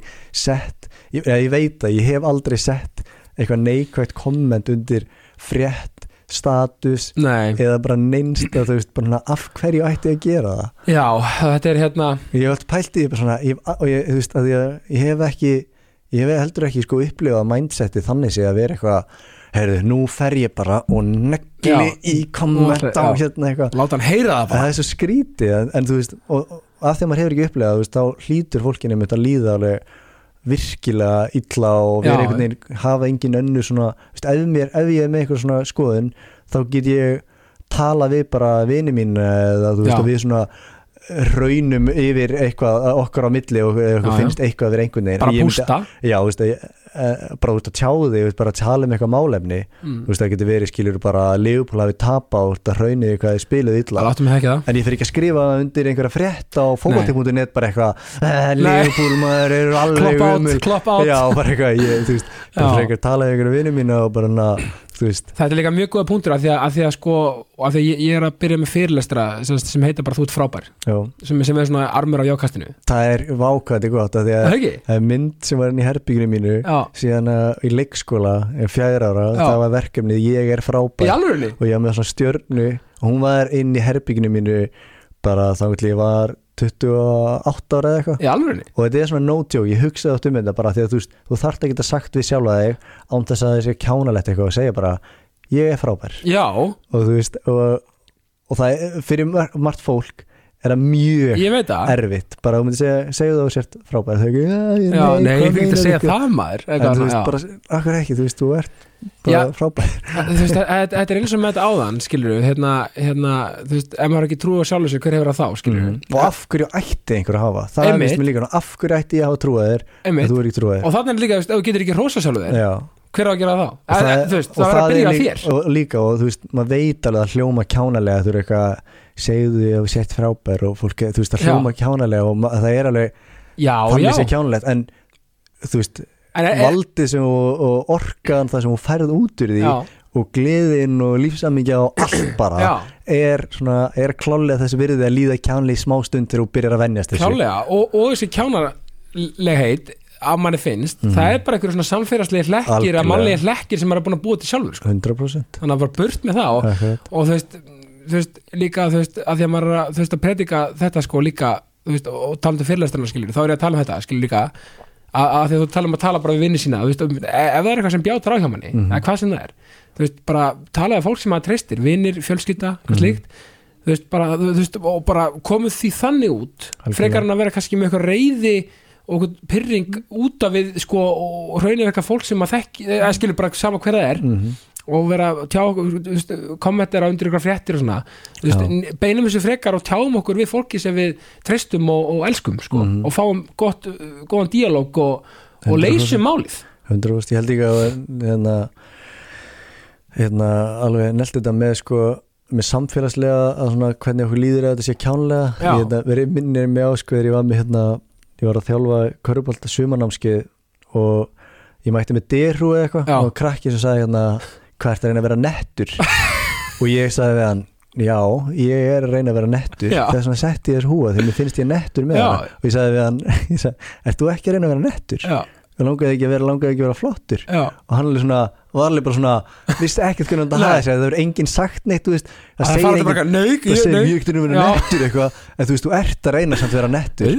Þú fóst í þessi föt eða þetta því þú varst að reyna að vera nettur Já, Því þú greitir hárið svona þegar þér finnst það nett skilur þú, og börn, Og þú börn þóra að segja þetta. Já, börn segja bara eitthvað hvað er reyna já, og eitthvað svona eins og það sé eitthvað skot. Já, já, en mér varst þú að fyndi það eitthvað svona og svo sagði ég alltaf við hann bara Og sókn. já, og sagði síðan bara alltaf er komið eitthvað annað aðra til og sagði þessi, þessi hérna, þessi er ekki nettu með hana. Já. Þetta er- það ekstra flottur núna með Já. þetta. Það er alveg gott sko að vera með að reyna að veist, reyna að kenna það þú vilt að velja það sem að finnst flott. Já, en hugsaður, hérna valdefli þú varst að valdefla hann er líka ótrúlega mikið með þessu. Ég veist mjög, ég vonandi skilur Já. að það var alveg fyndið að sjá þú svona viðbröðin að bara svona já, maður er alltaf að reyna að vera nettur Nei, já, auðvitað, nefnir að því að veist, það, það er þú náttúrulega bara svona fyrirmynd og, og hann er svona allar að vera svona gæi, sko Já. og svona þess að koma í jafnbæi eins og bara mannlegt að svona, svona, að vera töffari, sko, já, þú veist en hann bara snýrur þú, hérna komst með krókum út í bræði og þá er hann að fengja bara, ok, respect, sko Akkurat og það er líka svona, þú veist, þegar þú ert að gera eitthvað það er alltaf lægið mitt að vera meðvitaður um eitthvað, það er ekki allt óvart eitthvað, þú veist, Nei. hvernig þú leitir út eða hérna eða hvernig, einmitt í hvaða fötum eða hvað, þú veist, einhver rósaði líka sko, Já, já. eða stundu fyrir fólk svo hérna Já. hjá sér svona Sumi leiðist, þú líka eitthvað. Já, en þú veist, það er líka, einmitt, þetta er svona smá með þessa sjálfstrú sko, að þú veist, þetta er líka svona ballast, þú veist, að ekki vera hérna rókafullur og þú vilt ekki vera þér. Nei, þú veist, þú vilt vera svona en ég myndi samt segja að þetta er að nærði að vera hrókavöldur heldur en að vera bara eitthvað allt er einhvern veginn alveg hérna hræðilegt og ég einhvern veginn er með allt vittlust og þetta er nú ekkert bara allt sem ég gerði var nú alveg ég var nú alveg bara, þetta var alveg mistök að ég liti svona fyrir þetta er nú alveg bara algjörlega og það má heldur ekki miskilja, sko, með sjálfströst og við róka Eh, veist að, að því ég held að að hróki sko ég held að það sé nokkuð augljóst þegar hann við er, er, er, er til staðar skilur, þá kannski er maður bara orðin þú svona færið bara öðru sér tilfinningu Já. frá manneskinu sko. er ég held að ég myndi alveg að maður ætti alveg að treysta sér já, ég held að sé ég held að sé fáið sem myndi þú veist, færast yfir í hrókan að þú ert svona aðeins óörugur þú veist, núna og er svona, já, ég ætla að fá mér aðeins þú veist, bara byrja aðeins að trúa mér að sjálfa já, það er mjög ólíklegt að viðkomandi fari bara beint í hrókan bara ólíklegt að vera bara svona það er ekki alveg með nómul að trúa svo bara Já. komin í hrókan svo erum líka bara átt okkur á því að þú veist, allt er þetta náttúrulega bara leikþáttur lífsins eins og ég kalla hann. Við erum bara, all, þú veist, það er allir með einhverja grímu menn setja sér aðstæður Mm. uh, eftir því hverja þar eru já, þú veist, hvort þú ert í vinnu eða uh, í skólanum eða þú veist, Mhm. með veist, þínu nánustu, veist, maður er alltaf einhvern veginn í einhverjum uh, aðstæðum og í einhverjum leikþætti smá. Mm. á þess á þess að þetta átt að segja á því endilega. Já, áttan náttúrulega ekki á því sko. Og maður stundum eftir á eitthvað hvað var ég eiginlega? En það er alveg, þú veist en það einmitt er, finnst mér líka að vera komin á svona þessa meðvitund að, að fatta, þú veist, hvenar ertu þarna og mm að því að þú veist ég veit að ég hef tek mig, þú veist, er maður að þjálfa eða eitthvað, veist, eða með fyrirlestur eða eitthvað, ég er ekki að fara að segja nákvæmlega sömu eða vera nákvæmlega eins og að ég væri með bara bestu vinum mínum hérna. nei, nei. Og, og, og, og, ég held að það er svona það, veist, ég held að, það er bara svo gott þegar allir átt að segja á því mm, og manneska sem er að tala átt að segja á því veist, er fyrirlestur eitthvað slíkt að veist að við erum, veist, að þess vegna líka elska ég þegar fólk kemur, veist, og hreinskili fólk og kem, fólk sem Mhm. kemur bara hreint fram mm, og er bara, kemur til dýrinu svo það er klætt, sko, kann svo mikið að meta það, sko. Já, maður fara að sjá mannlegu hliðin bara svo við erum hérna, já, við erum bara ekkert erla heiðarlegir og léttir, sko. þetta er bara, sko, þú varst í körfubólta já, í það er hérna einn af mínu bestu vinnum já. Hann er bara hérna, ég segi hver er þetta smá. Ég veit hver er. Kristi Rúnar, já, hann, Ná. hann þjálfaði mig í smá stund. Hann þjálfaði þig? Já, hann hann var Gilva Gröndal hérna í smá stund uh, að þjálfa. Einmitt, bara sjáta á þetta á Lakröts. Sjá, sjálega kröts verið að setja þristana frá miðju. Hann, er- hann, er, hann er rosalegur í, þegar, hann, sko, þegar hann byrjar að hitna í þristunum hann er Já. rosalegur sko. þetta var magna sko. Já, sko, hann, hann er mitt sagði sko, þú eru frægur fyrir flótskotin já, hann var að tala um það, Arna Já. var svo frægur fyrir geggjuðu flótskoti sín sko. já ég, þú ert- ekki svona, þú ert ekki tveir metrar í loftinu sko þá hérna Já. Þá þarf maður að horfa á Steve Ness og Tony Parker og, og sjá að vera með þessa flótir að maður, na, hann er mitt sagði, hann er henni íslenski Tony Parker. Ég sagði, hann er ekki leiðum að líkast. Það er reyndar besta rósi í þengi já, ekki? Jú, og svo, þú veist, þú veist, svo, og svo er þú náttúrulega með hérna, þú veist, þú ert búin að gefa út bók Hmm. laupabókin, þú veist, rítihundur þú ert með, núna ertu með fyrirtæki sem er driftlæni ekki, jú, og varst, að, varst með fyrirlestra á svona úti? Já, við vorum hérna að kynna, það var mjög, þú veist, í í gegnum hlaup, þú veist, maður svona, þú veist, ég ætlaði ekkert að fara í ég ætlaði bara að hlaupa því mér langaði að ná árangri mér langaði hérna að komast á olimpíuleika og bara náðum smillum árangri ég gæti. Já, en svo bara svona í gegnum það aflaði mér sér þekkingar af því að maður vildi gera þetta eins rétt og hægt væri. Einmitt. svo var svo þekkingarinn það mikil að mér svona þú veist, að byrja að fá svo mikið af spurningum og svo mikil, fannst bara vöndun á í rauninni bók um þetta. Já. þú veist, þegar ég byrjaði þá hefði ég geta lesið þessa bók emitt en hún var ekki til. Þannig að ég bara ákvað að taka saman að fróðleik og setja hann í bók og þú veist, þá gert. það. Og síðan þú veist var fólk að sjá, þú veist, maður var að ná árangri og það, þú veist, þá byrjaði fólk að hafa samband við mig og spurja skilur, býtu hvernig hérna, hver er að þjálfa þig hvernig hérna að gera þetta og eitthvað. Þá svona byrjaði þjálfunin, það var mjög óvart þú veist, að áttlega, ég ætla aldrei að verða sko hlaupa þjálfari, þannig aftur dominoeffekt, þetta bara gerist bara út frá og svo er henni driftlæn, þá er hérna feðgar hérna íslenski feðgar sem að er henni gera hérna tímamótu uppgötun og er henni fyrsta vísindalega skilgreiningin á þól að því að núna Ok. okay. þól er ekki til neitt engin skilgreining á það, bara hvað er þól engin svona mælining Nei, þannig veist, það er, þú veist, hámar súlisuttöka vaffotir max sem maður Mhm. stundur nota en er mjög ónákvæmt. Já, og þeir hafa samband við mig að því að, nú veist, þeir mig úr hlaupunum og ég, hérna, hún gefa út hlaupbókin og eitthvað. Mm og ég fyrsta sem ég sagði, sko, bara það er ekki til, bara ég skilji hvað ég var að tala um að því ég hef aldrei heyrt þess að skilgreining á þóli, hvað ég voru að tala um en svo hérna látaði mig senda sér bara hjarslátagögn úr venjulegu hlaupi og þeir geta sérst greint bara allt í mínum hlaupum, bara hvað ég get hlaupið 100 metrar hratt, hvað ég get hlaupið marathon hratt bara út frá alveg og þá eru er þið búin að gera þessu uppgötun að fatta bara hvernig hjarslátturinn okkar endur speiklarinn öll orkukerfi bara hvernig líkamöndin er stiltur vá, og þannig að við erum í rauninni öll með svona þessar hjarsláttar, þú byrjar þá er hjarslátturinn lár, svo hækkar hann hægt og býtandi svo verður þetta svona kurvu.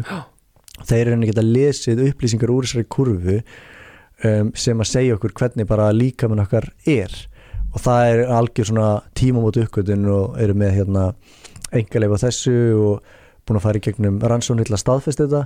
Þannig að þetta er bara eitthvað svona dæmi sem gæti þess svona já, bara breytt heiminum. Hvernig þú veist, þú finnur út hvaða hérna, hraða þú ættir að vera að hlaupa á æfingunum, hvað þú getur þú veist, þegar fótboltamenn er fyrir lækniskoðun mm Mhm. í staðin fyrir að fara í eitthvað Vaffotur Max testa, þú veist, þá faraði bara í þægilegt skokk með púlsmæli. Já, og við erum með þess að byrjaði núna ekki bara lækningskóð sem tekur bara tvo daga Nei, og Já. er þú veist við erum með að byrja núna með þess að opna á þetta og erum undir sem sagt eh, merkjum stat hlaupaþólsmælingar Já. stat.is að þá hérna er eiginlega að fá þið til að koma bara og taka, taka smá mælingu á þig þetta í þetta er manifest, aftur. Já, og þá hérna og þá semst ég ætla að gera það fyrir Reykjavík marathonið Já, kemur bara skokkar, þú veist, þetta er ekki einhver, all á dæmi nei, og bara skokkar þægilegum hraða og eftir það færðu síðan bara allar upplýsingarna bara hvað getur hlaupið 5 km hraða, 10 km á hvað hraða átt að taka mismandi æfingar. Þannig er að þú er æft eins rétt og veist Og- getur og fær svona stöðun á því þannig að við köllum þetta stat að þetta er svona ákveðin tölfræði. Ok, líka til að sína hvar fólk er stat þannig að þetta er ekki þú veist blóð hérna, Nei. nei, og þetta er bara út á hjartaru þetta er bara hérslátturinn og, hérna, Vá. og bara fá smá reyfing á hann við getum í rauninni gert þetta líka með bara að láta fólk ganga. Já, að því eini sem við þurfum er að fá þessa kurvu sem þannig að hérslátturinn fari upp fyrir það sem hann er þegar þú ert sitjandi. Og veist, ertu bara að skokka á pace 5 kom eitthvað, eða svolítið, er þetta þannig? já, þeir bara eftir hversu góður þú ert. Já, þú veist, þetta er bara ok. svona þægilegt skokk með Ok, við þig. Þetta er alltaf bara með við náttúrulega getu. Ok, það er gegg þannig að það er, já, það er mjög spennandi. Ég, þú og þú ert með þessum feðgum í þessu? já, og Ok. fór í þetta og þetta er unni, ástæðan fyrir ég fór í þetta er þessi, þegar þeir náðu svona sannfæra mig með því að láta mig taka svona skokk með bara rólegt skokk og geta allt í henni sagt mér, þú veist, hámarkspúlsi minn réttan hámarkspúls út frá skokki sem að púlsi fór aldrei yfir 160 og ég bara svona, hvernig virkar þetta? wow. þannig að það er mjög spennandi dæmi þannig að, en allt aftur tengist hlaupum sem Já. verður að gera. Já, heldur betur og maður. ég hef ekki ennþá fengið leið á hlaupum það er líka spurning sem ég fengið oft sko og fær ekkert leið á þessu. Já, en ég er bara, já, þetta er mjög peppandi sko. Já, hlaup, þetta er alltaf bara, þetta er alltaf bara sko, mér finnst mm hlaup vera svona ég oftir að segja þetta, mér finnst þetta king of exercise. Já, að því að þú veginn, þú getur blanda öllu við hlaup eins og liftingum og eitthvað. Algjörlega. Og allt út frá hlaupum. Mm eða skilur, allar íþróttir byggja veginn á hlaupu, á svo, get- og oftast svo er líka að nota hlaupin á því að svo marga velindir til að svona aðeins gefa þið peppið í Já. framfarir. Já, ömmið, þetta bæta sig á svo mörgum stöðum og það gefur ótrúlega mikið. Og aftur líka eftir öllum aldri, þú veist, menna maður er ekki marathoninu. Mm og þegar náttúrulega flestir sem mesta þáttakanni í því. Algjörlega. Og maður sjá bara kannski áttræða.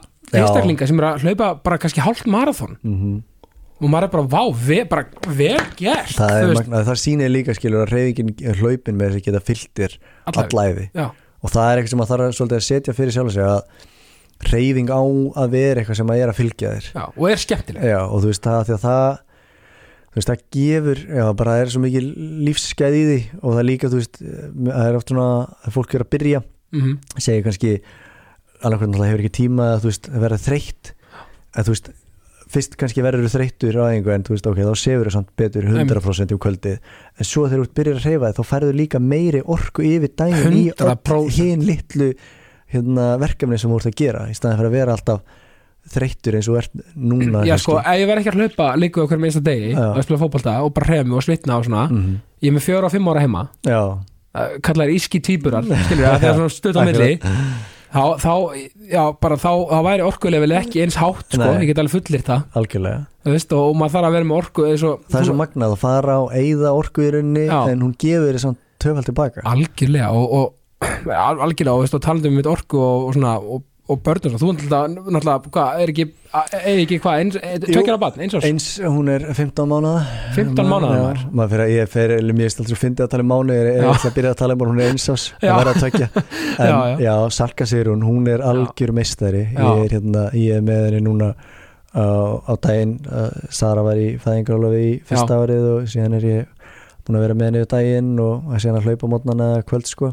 Æðislega en það er bara draumur sko, ég elska þetta já, veist, og, er menna, og finnst þér ekki núna uh, búin að eiga barni í, í á rúmlega ár mm líður ekki bara svo þú er alltaf átt barn? Jú, eða þú veist, með maður ég man nefnilega tíma, þú veist, ég á batn og hund. Já, og ég man tíma þegar ég átti ekki eða, og, og náttúrulega kæristu já, að ég man þegar ég átti ekki batn, hund eða kæristu já, já. og mér fannst tíminn hérna, ég hafi ekki hafi ekkert mikið tíma í neitt alltaf annað. busy.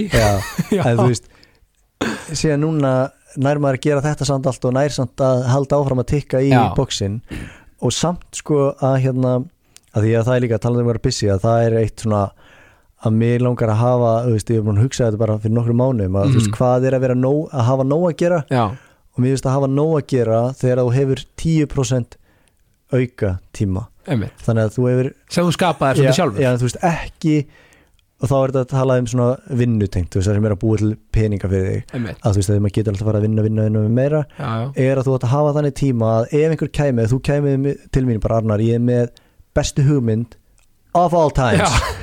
Og þá get ég sagt já við þið strax. Já, af því ég vissi að ég hefði 10% auka tíma nákvæmlega. En ef þú hefðir ekki þann tíma og þú myndir koma og ég myndi bara segja bara, þú veist, vá, mér langar þetta geðveikt mikið. En ég bara geta ekki, þú veist, ég bara á ekki fræðilegan séns. Þannig að þú veist við erum á þegar mér finnst Íslandingar kannski eiga Norrlandametti því að hafa nóg að gera. Já. Við höfum alltaf nóg að gera.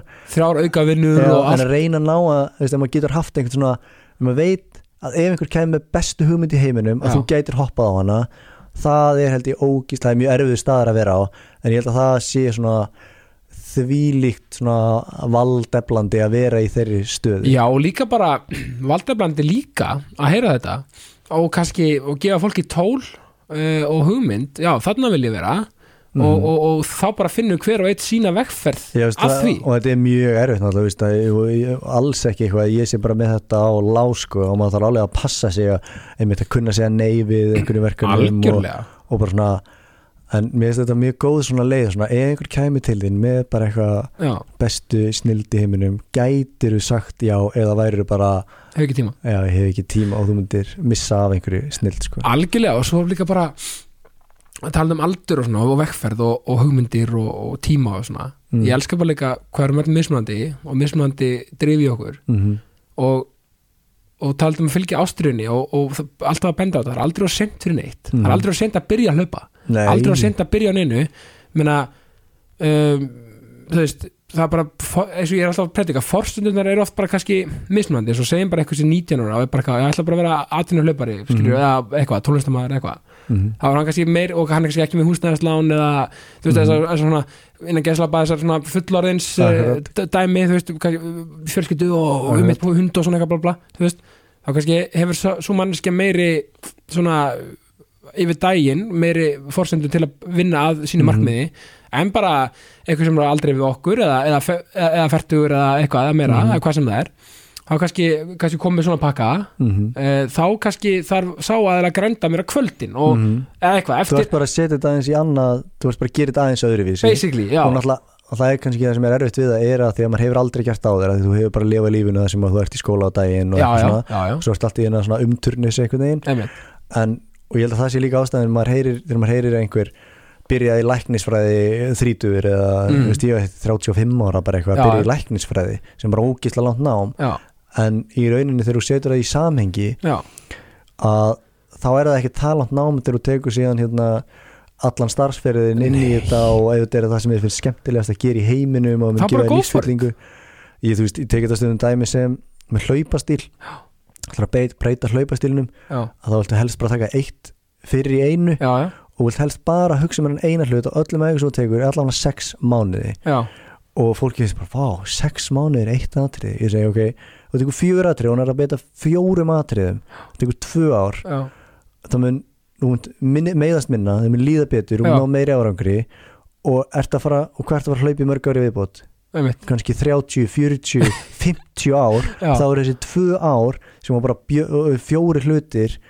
Og Bara- bara stöðut að bæta því á meðan? Já, algjörlega. Og bara bjarga öllu, þú veist, og þetta gerði ég, þú veist, hjá mér. Ég byrjaði bara, ok, nú er bara ég reyndar að setja ekki eitthvað svona sex mánuði fyrir en það bara var svona í kringum alltaf sex mánuði sem þetta tók, já, að þá bara hugsaði, ok, nú ætlum ég bara taka þessar körbólta hendur, það sem að alltaf aðeins með hendunar út, þú ert að verja boltan og þú ert að drippla já, og setja þær meira inn og láta þær fara beint aftur eins og eiga að vera. Það tók mig, þú veist, sex mánuði að ná því en ég þurfti að hugsa um á öllum aðingum, Já. en í dag gerist það ósjálfrátt af því að þú veist, þetta er bara orðið partur af hlaupastílinu og þú varst bara prógramar sem, sem bara fyrst veginn og einmitt eðlilega. Já, þú veist, bara vöðvaminni algjörlega, bara úr körubólta og fótboltanum að þá Já. líka, þú veist, ertu með miklu stífari efri líkama, Einmitt. að þú ert alltaf tilbúin í kontakti í fótboltanum, skilur öxl í öxl og eitthvað. Einmitt, það er líka bara svona fáherði, það er ábæra afslappaður og þá áttir hann að vera á hlaupum þannig að þú bara svona rétt ítir því að þá bara ferðu skilur fjóra metara til hliðar. Einmitt. Að því að þú ert ekki með neitt, neina orku í að halda þér eitthvað að taka móti höggum nema að fara beint áfram sko. einmitt og bara löpunum, ekki verið eitthvað bara, tilbúin í um móti þetta er þetta góðu punktur af því að ég finn stundum að ég er svona aðeins strektur í, í, algjörlega, það er bara fólksta, það er bara, það er mjög erfitt að ná þessu inn sko, en Já. það, en þetta er líka ótrúlega þú veist, hugsaði þetta er rauninni dítill en samt sem maður hefur ótrúlega mikil áhrif. Algjörlega, þú veist, maður byrjar að stípna upp líka og þá byrjar alltaf að stípna neðri og þú veist, þetta verður allt svona meira þvingað sko. Já, sko, er ekki líka eitt trikk sem er þreyttur? Er ekki að taka háar, er ekki að taka háar hýlitur nei, hérna, hérna, hérna, hæli rass. Uh, ég reyndar ekki að að því sko. hæli rass. Nei, það er bara svona þú veist, til að, til að ef maður er þreyttur á löpunum aðeins bara svona til að losa um einhvern veginn, að ég veit ekki. Já ég, ég hef ekki heyrta það ég er svona meira sko hérna, að ekki það takk sem ráða en meira sko að byrja frekar að hugsa um að hreyfa hendurnar ok, hratt, já, að því að núna. Já, hendunar þær, þú veist, ef þú hreyfir hendunar hraðar þá koma fætunar oft með. Þannig að taka fókusin úr fótunum og setja fókusin bara í hendunar ok, ég ætla bara að henda þessum höndum aftur einmitt, og þá koma fætunni og þannig er þið flæði kannski að blóð og, og, Já, og, og stundum eru hendunar er hættar að hreyfast eða þú er þreyttur út, byrjar að hugsa svo mikið um fætunar já, þú einmitt. getur alveg hlaupið á þess að hreyfa hendunar já, já, en þá svona, ok, setja aftur fókus þangað, já, byrja að hreyfa þær já og þá kemur aftur inn í flæðis þetta er alveg mag þú veist, maður áttir svo ég, ég líka bara, þetta er svo mikil heilun fyrir mig þetta podcast, sko, því ég er átt að mig á svo miklu um mig í þessu. Þetta er bara þerapía hérna, sko. Já, þetta er bara, Arnar, sko, ég hérna, sko, þetta er ekkert eðlil, sko, herru, þú er með fjóra háskólagráður Já, ég er með þær. Verðum að fara við það, smást, betur, hvað er að tala um? Sko, Ég byrjaði í grunnámi í hagfræði. Já, fór hérna líka í skiptun á milli Þýskalands í Köln í því, inn í því. Já, og svo fór ég í master í endurskoðun og reikningsskilum. Ok, og master í fjármálu fyrirtækja já, og master í kennslurjöndum og tók líka þarna, á meðan við endurskoðun og reikningsskilum þá tók ég líka í Þýskalandi í, í hérna skiptunum þar líka. Vel gert og, og, og þú kláraði þetta allt? Já, ég gerði það og ég á mér þessi einhverjar 50 einingar inni sem ég er ekki búin að nota. Ok, ég var ekkert um að skoða þetta bara ef ég myndi alltaf reyna að nýta þær sko þá er henni væri hérna grunnur í sérst, BS í, í viðskiptafræði sem myndi vera ég þyrfti kannski að taka eitt ár í viðbóð eitt ár já, eða eitt og hálft ár og þá myndi ég vera að koma í grunninn í BS í til að nýta allar þessar einingar sem eru sérst, eftir já, sem eru, ekki, sem eru ónotaðar. Aldrei á seint, Nei, ég, ég er að klára mína fyrstu háskólagráði núna í, í voru í félagsfræði og menna. Þú veist, að, því að bara lífið hefur tekið mann, þú veist, maður bara prófa alls konar. Já, og ég segir að þú veist, þú veist þetta námið þetta er að vera sko 200 sinni betra en hefur farið í það fyrir 10 árum síðan. 100% Það og, þú veist hvað þið langar að læra. Já, þú ert ógeðslega meðvitaður um hlutina þú, þú veist að þú ætlar að taka þá inn. Já, þú veist hvernig þú ætlar að nota þá. Það er að svona gattin við þetta þú veist þegar maður er í námi ungur að þú veist ekki allt. Nei, þú veist mjög lítið um lífið og þú veist mjög lítið um raunverulega heiminn skilur Einmitt. en þú þurfum að fera eins eldri í nám að þá ertu bara þetta er það sem ég langar að læra. Einmitt. og svo heyrir eitthvað að segja já þetta myndi ég nota svona í það sem ég er að fara að gera þegar ég er búið með námið. En þú veist þetta ekki náttúrulega þegar maður er nei og ég, yngri og þú veist ég fór í þetta því ég hafði áhuga á þessu. En ég náttúrulega nýti þetta núna þú veist, í, þú veist ég er fjármálastjóri í því á driftlægin já, já, plúst að vera með hlaupaþekkinguna þar inn og, og, og maður nýtir námið skilur en ég vissi ekki og kennsturréttindin ég vissi að já þetta er námi í miðlun. En það líka bara gott upp á fyrirlestarna já, og þetta er bara að vera kennari er bara að vera miðlari. Já, hversu góður ert að miðla þinni þekkingu? Nákvæmlega. Lélegasti kennarin gáðasti maður í heiminum en þú getur ekki kent á framfæri. Já, já, þá ertu gagslaus kennari. Bara gagslaus, bara til hvers ættu að hafa þig. Einmitt. En ef þú veist 10% af þessu sem hingæðin veit en þú getur komið þessum 10% 100% til skila, allir náði Einmitt, og þess vegna er nefnilega oft bestu fótballmenn í heimi ekki alltaf bestu þjálfar þegar þeir eru bara gæs, skiljið þetta ekki það þú gerir bara svona svona, nei, þú voru að kenna okkur það að þetta kemur náttúrulega fyrir honum þetta er alveg ótrúlega og maður sér þetta, þú veist, sér þetta bara í námið veist, það er mjög sjaldgæft að kennara eða sérst prófessori í háskólanum eru með Já. kennslurindi þeir eru bara prófessori og síðan að kenna. Já, en grunnskólakennar eru búin að fara í gegnum þú veist, ég vil uppeldisfræðina líka og Já, búin já. að fara í gegnum miklu dýpra nám og miklu betra miðla, þú veist, kannski hafi ekki alveg sumu þekking og prófessorinn í háskólanum nei, nei en maður bara svona sumir kennarar, þú veist, í háskóla umhverfni eru klálega ekkert ekkert bestu miðlarandi, sko, þóttu séu alveg gáðustu hérna einstaklingandi, sko algjörlega, við erum bara ja, mismönd og við erum mörg og, og, Já. og er það ekki bara frábært fögnum því bara algjörlega, maður bara einmitt að, að, að átta sig á því, þú veist, að stundum verður maður svo pyrraðar að Já. fólk sé einhvern veginn öðruvísi en bara svona